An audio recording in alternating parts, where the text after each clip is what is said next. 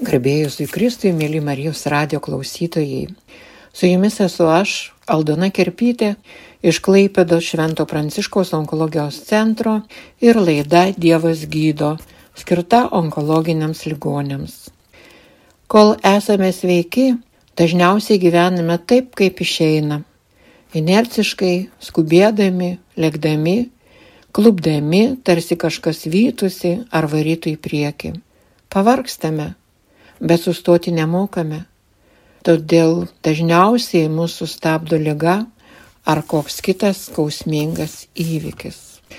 Su broliu pranciškonu Asim Kungiu šioje laidoje kalbamės apie tai, ką mąstome apie savo gyvenimą tuose įvykiuose, ar lygos patale, ko gailimės ar kuo džiaugiamės, ką atrandame toje nelaimėje ir ko galime iš viso to pasimokyti.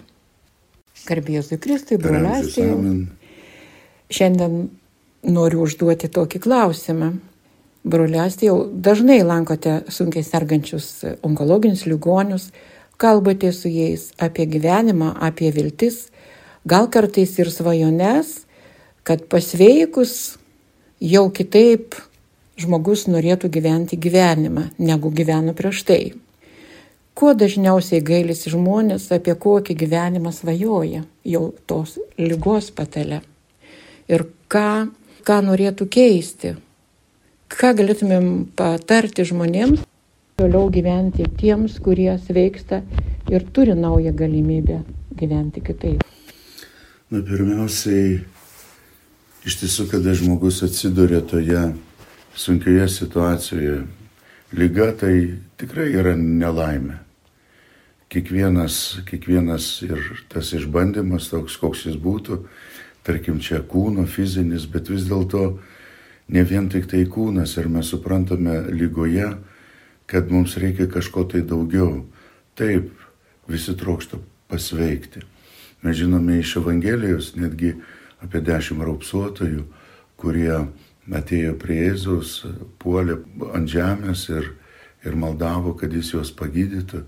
Ir jie pagijo eidami į šventyklą padėkoti kunigui. Visi dešimt pasveiko. Tik tai vienas sugrįžo padėkoti viešpačiai. Todėl mūsų net ir visos mišios vadinasi dėkojimas, padėkojimas, dėkojimas Dievui, Euharistija. Taigi, žinai, kai lankai tos žmonės, nu, kiekvienas gyvenimas yra skirtingas, aplinkybos skirtingos. Kai kurie irgi galbūt kaltina save, kad visą save atidavė kažkokiam tai darbui, kiek tų įtampų, kiek žmonėm visokio iššūkių, tie patys COVID-ai, o prieš tai irgi visuomenė keičiasi, verslo santykiai ir žmonės įtampose.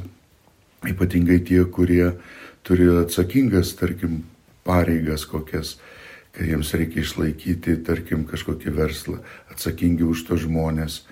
Ir e, žmogus ateina į darbą, atidirba tas 8 valandas ir išeina, o atsakingas žmogus, jis, jam nėra tarsi to darbo valandų. Ir atrodo sudeda savo gyvenimą, atsitraukia nuo šeimos, atsitraukia, tarkim, nuo žmonos, nuo savo vaikų. Ir paskui ištinka tokia nelaimė kai matai jau tas darbas, tas tavo, tas tavo verslas galbūt yra jau antroji vietoj, nes kas yra pirmoji vietoj? Iš tikrųjų, pirmoji vietoje esi tu. Tu ir tavo artimieji, tavo, iš tikrųjų, ta tavo aplinka.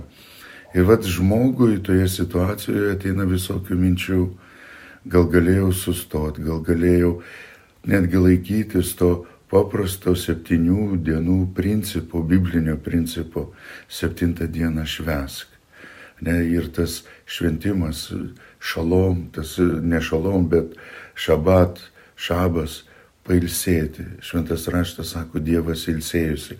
Bet tas polisis ne, savo, ne šiaip savo ilsėjimasis, iš tikrųjų tai kitoks buvimas. Ir vad žmonės atranda galbūt lygoje arba jau išėję iš tos lygos kitokį buvimą.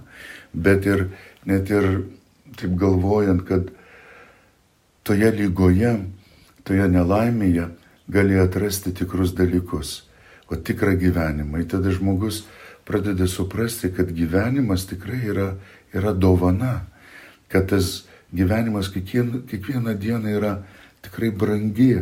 Ir tada tu pamatai ir tos saulėtekius, saulėledžius, pamatai paukštelį ant medžio šakos, tu pamatai, kad kokia ta aplinka Dievo kūrinėje yra graži, kad reikia sustoti. Ir aišku, ta nelaimė, ta lyga sustabdo. Kitas dalykas, tu pamatai savo santykių su artimaisiais, santykių ir koks tas santykis yra tikras. Ir, ir paimtum bet ką, ar tai būtų vyrai ar moteris.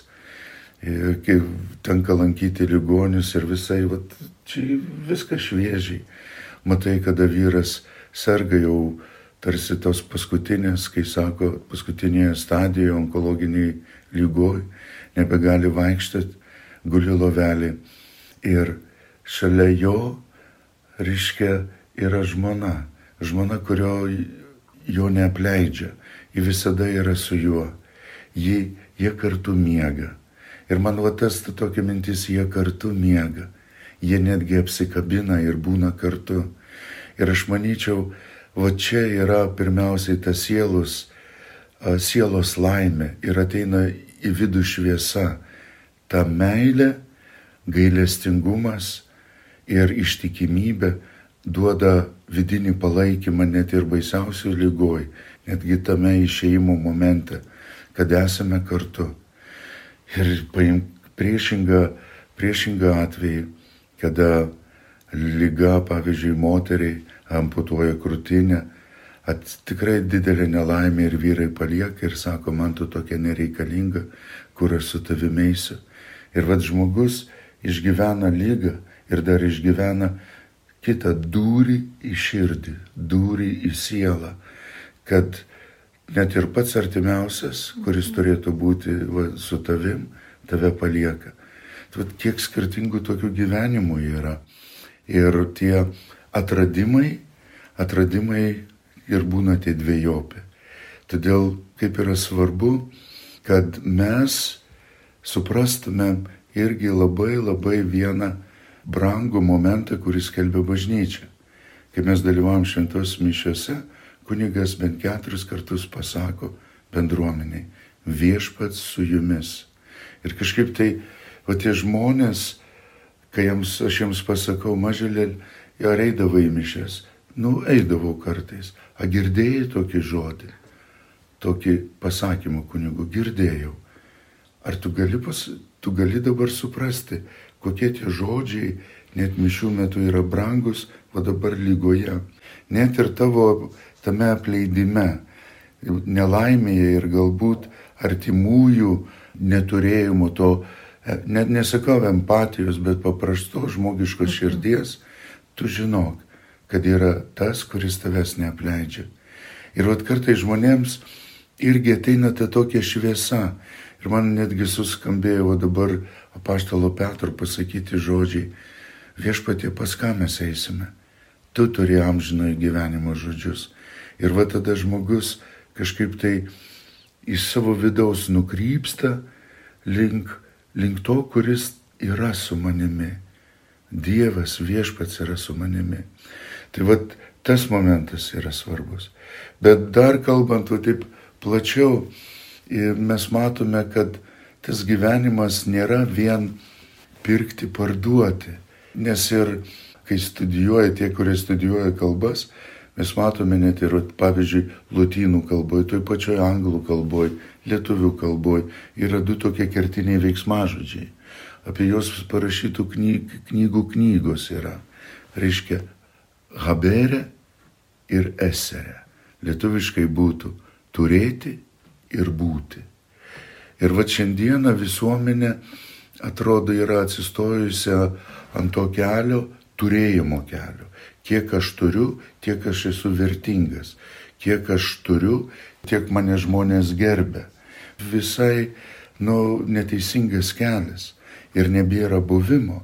Juk žiūrėkit, biblinis Dievas, pats Dievas yra, sako, koks, koks tavo vardas, klausia Mozė. Ir Dievas sako, aš esu Jis nesako, aš turiu visokias galę, aš turiu galę. Ne, sako, aš esu. Tai va tas buvimas ir netgi taip gražiai susijęta yra ir lietuvių kalboje esimas yra e, iš to graikiško žodžio ego esi. Reiškia, aš esu asmuo, asmuo. Taigi buvimas ir, ir netgi bet kokios išbandymuose mes turim suprasti, kad aš galėčiau pasakyti aš asmuo, tai yra aš esu. Aš esu. Ir jeigu tu esi, tai tu esi gyvas ir turi ieškoti tų santykių su Dievu. Ir vat yra problema šiandienos Lietuvoje. Matot, net ir didžiausiame blogyje visada yra kažkaip galimybė atrasti, atrasti paguodą ir netgi atrasti Dievą.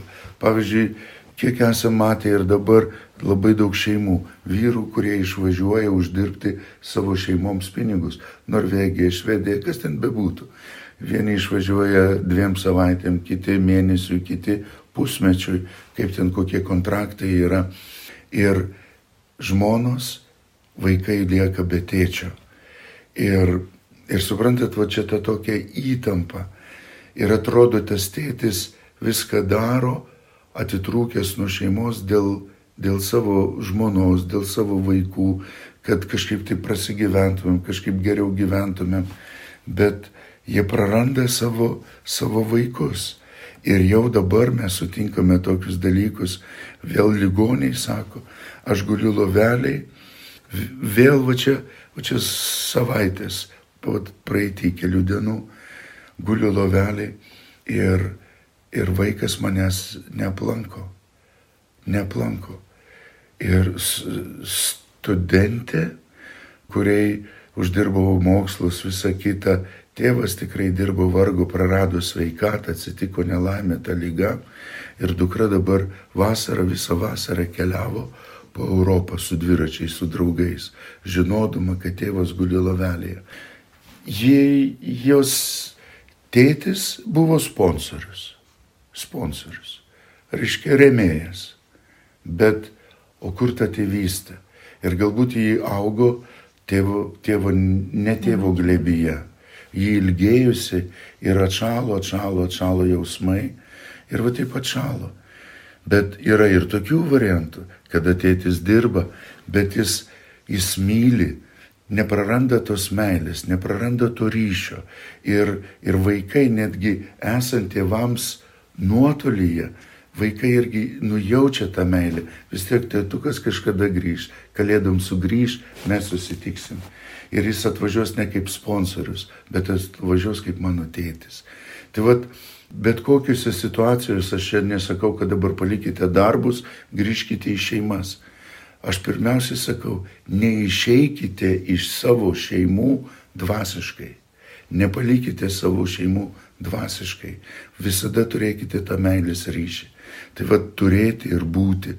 Todėl yra svarbu mums krikščionims, mums katalikams ir bendrai, kurie va dabar klausotės, suprasti, kad aukščiausia vertė yra, kad tu esi.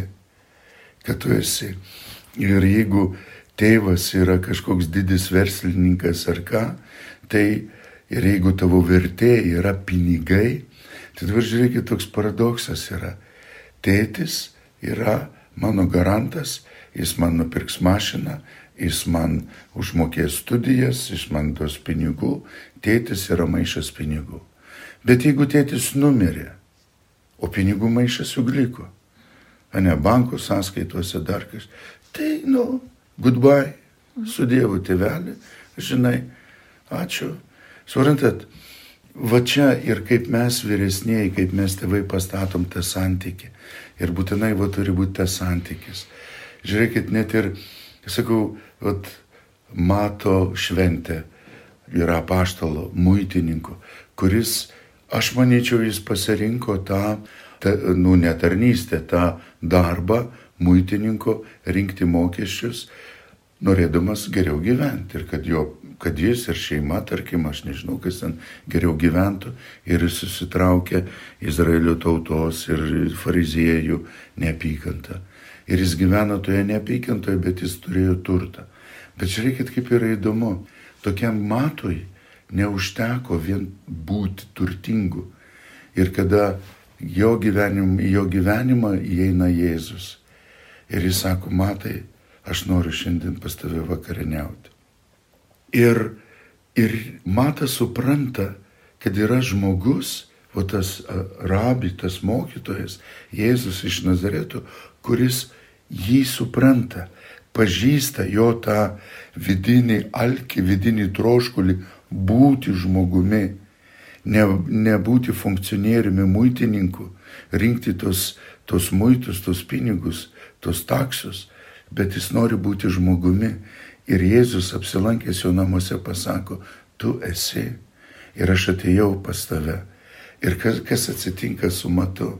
Kada matas supranta, kad jis yra žmogus, tai yra jam svarbiausia jis atiduoda, išdalina, ten nežinau kiek pusę savo turto ar kiek, išdalina vargšams ir ką nuskriaudė, dar keturgubai kažkaip tai atiduoda.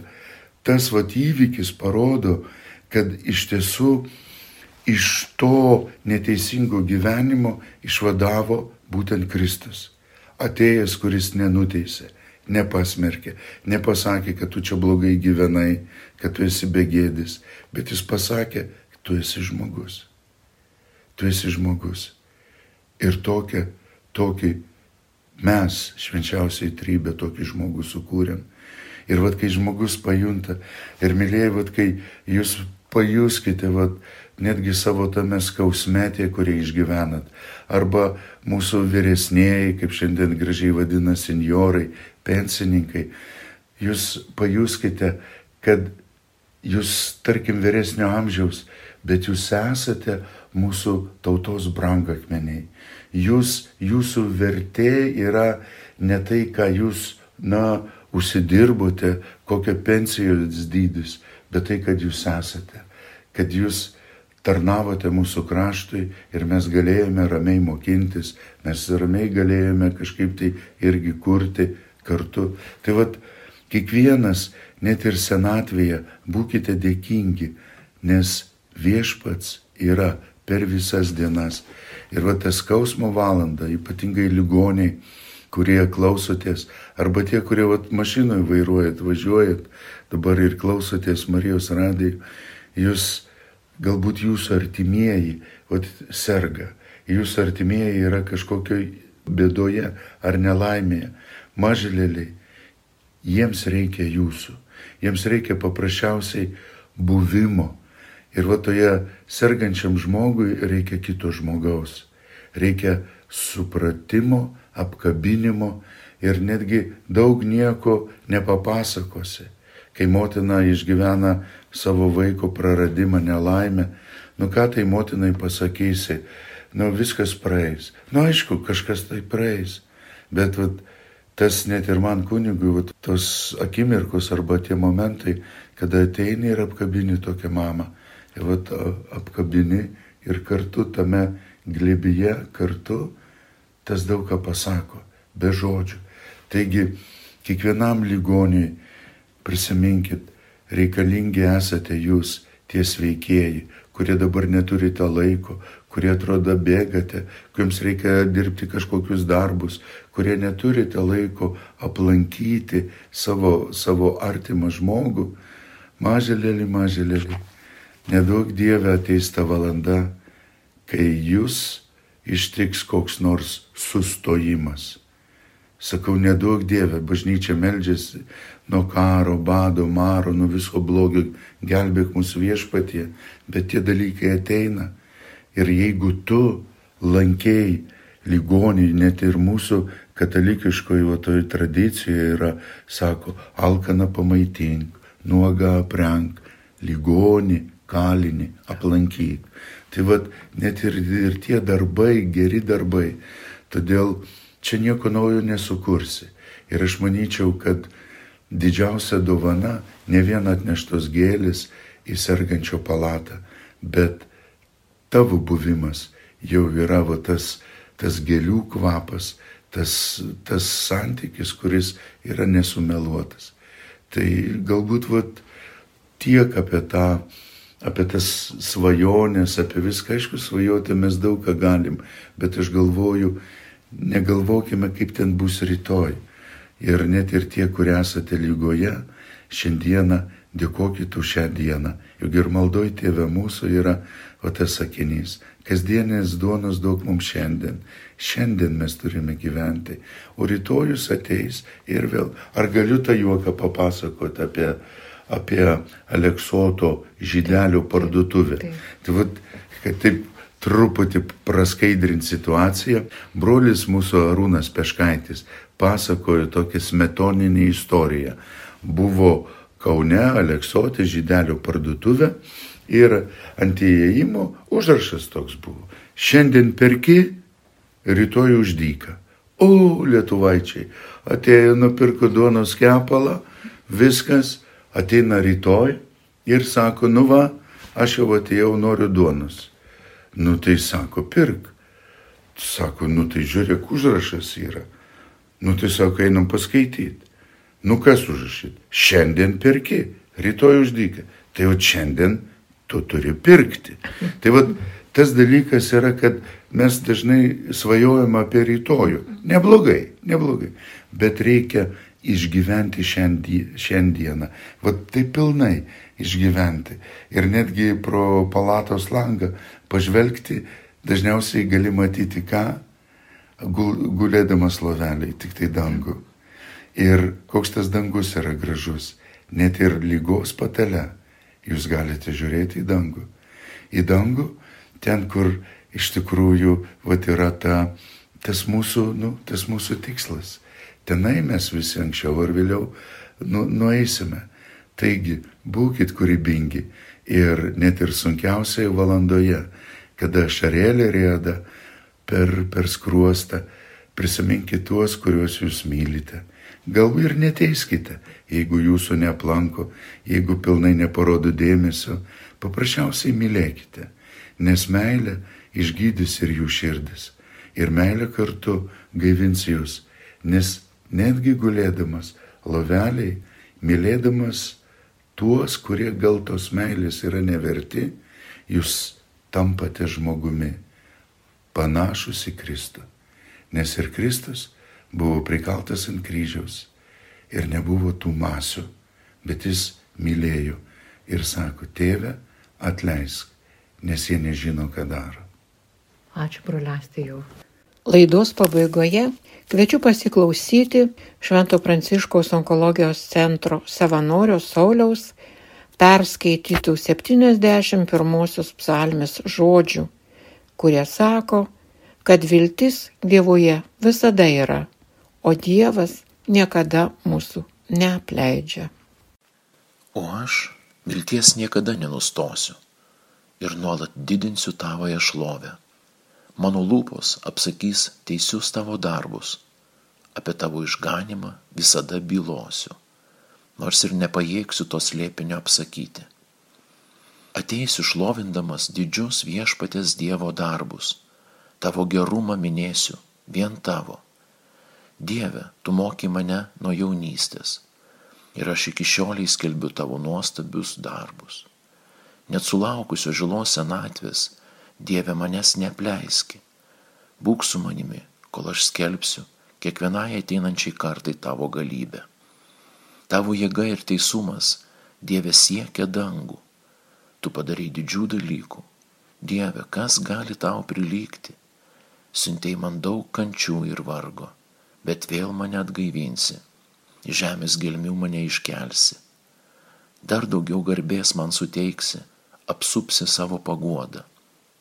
Ir aš tave šlovinsiu arfą už tavo ištikimybę, mano Dieve, skambinsiu lyrą, šlovinimo giesmę tau, Izraelio šventasai. Gėdodamos tau šlovinimo giesmę, džiugaus mano lūpos ir tavo atpirkta visa mano gyvastis Per visą dieną mano liežuvis pasakos apie tavo teisumą, kai buvo sugėdinti ir nugalėti visi žuties man linkėję. Garbė Dievui tėvui ir sūnui ir šventai dvasiai, kai buvo pradžioje, dabar ir visada ir per amžius. Amen. net sulaukusiu žilos senatvės Dieve manęs neapleisk.